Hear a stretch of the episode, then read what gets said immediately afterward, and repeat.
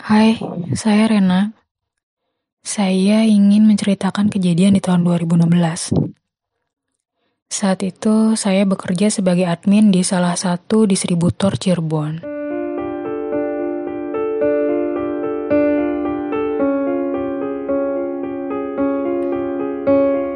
Karena kantornya cabang, jadi tidak begitu besar. Bentukannya seperti rumah.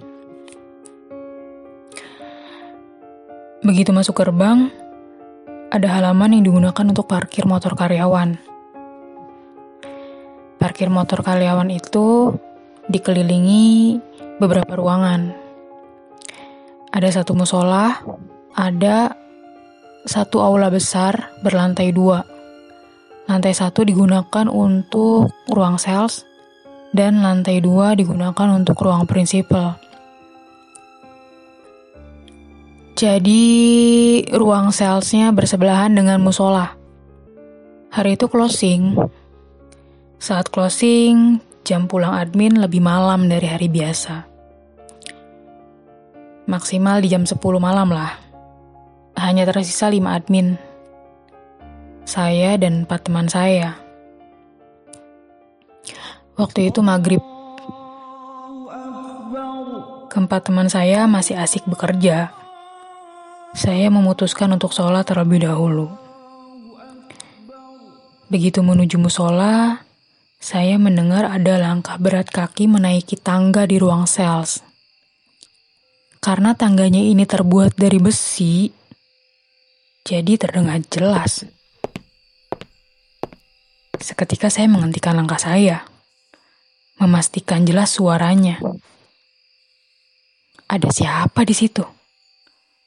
Setahu saya, semua sel sudah pada pulang di jam 5 sore. Saya mencoba berpikir positif. Oh, mungkin itu Wira, security di kantor kami. Oke, saya tenang. Saya mau masuk musola. Saya kaget mendengar suara Wira memanggil saya. Sholat, mbak. Saya kaget karena suaranya dari arah belakang, sedangkan ruang sales di depan saya. Loh, Wir, di ruangan sales ada siapa? Wira menjawab, nggak ada siapa-siapa, mbak. Sel sudah pada pulang, jadi udah kosong. Aduh, jujur saya ini penakut. Tapi agak-agak sensitif juga sih akan hal-hal seperti itu. Saya meminta Wira untuk menunggu saya pada saat saya sholat. Wira bertanya, ada apa mbak? Saya nggak begitu menghiraukan. Di jam 8 malam, teman saya meminta saya membeli makan. Namanya Mas Anwar.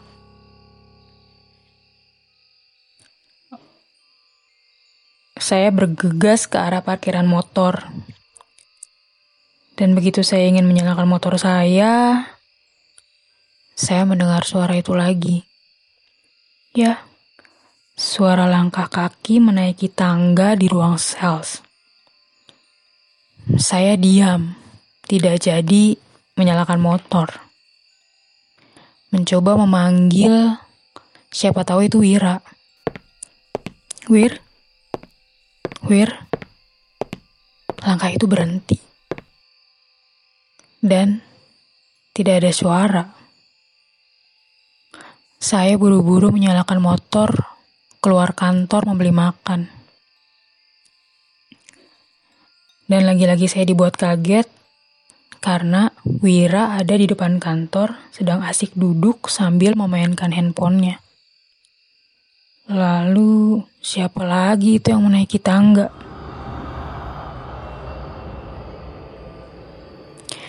Pikiran saya udah ke mana-mana, tapi masih berusaha nenangin diri sendiri. Beres beli makan, Sesampainya saya di kantor, karena khawatir mendengar suara itu lagi, saya berlari kecil memasuki ruangan admin. Saya mengajak teman-teman saya untuk makan. Saya bilang ke mereka untuk makan di ruang kepala admin saja. Saya meminta pintunya ditutup. Salah satu teman saya bertanya, "Kenapa sih, Mbak? Kok makan aja pintunya harus ditutup segala?" Saya jawab, "Gak apa-apa, ayo makan." Ada satu teman saya yang namanya Pipit. Ya, memang saya tahu dia mengerti. Karena memang Pipit terbiasa akan hal-hal seperti itu. Pipit hanya tersenyum melihat tingkah saya. Di saat kami sedang menyantap makan malam di ruang admin, tiba-tiba printer di ruang sebelah berbunyi sendiri.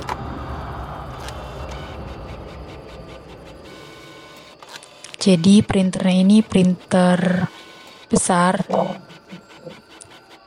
yang suaranya lumayan berisik. Kami cuma bisa saling pandang. Saya tanya ke teman-teman saya, masih lanjutin print? Keempat teman saya hanya menggelengkan kepala. Tandanya Harusnya printer itu nggak bunyi. Lalu kenapa bunyi? Siapa yang ngeprint? Secara kami semua berkumpul di ruangan admin. Di ruang sebelah tidak ada siapa-siapa. Mas Anwar coba menenangkan kami. Udah, lanjutin dulu makannya. Nanti saya cek. Sebelum dicek, suaranya sudah berhenti dulu. Kami melanjutkan makan dengan perasaan takut, dan saya rasa teman-teman saya pun merasakan hal yang sama.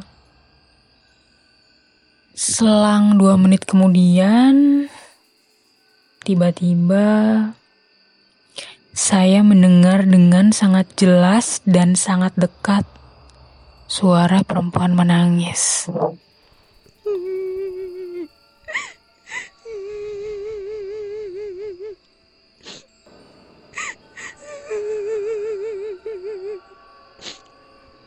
Takut sekali. Mas Anwar melihat raut muka saya yang berubah. Kenapa, Ren? Saya panik. Kalian dengar nggak? Teman saya malah balik nanya. Dengar apa, Mbak? Sebelum saya jawab, si Pipit tersenyum sambil bilang, Dengar juga ya, Mbak. Udah biarin aja. Jangan takut, nanti dia malah senang. Akhirnya saya bilang ke Mas Anwar, selesai makan kita pulang aja ya, gak usah dilanjutin kerjaannya. Dan selesai makan, kami memutuskan tidak melanjutkan pekerjaan dan memilih pulang. Besoknya, Pipit bercerita. Semalam, waktu Mbak Rena beli makan, saya ke toilet. Saya lihat sosok putih berdiri di parkiran motor dan pergi ke arah ruang sales. Mungkin dia nggak seneng kita lama-lama di kantor. Dari cerita Pipit, saya berpikir mungkin dia sosok yang sama yang mondar-mandir di tangga ruang sales. Sekian cerita saya, terima kasih.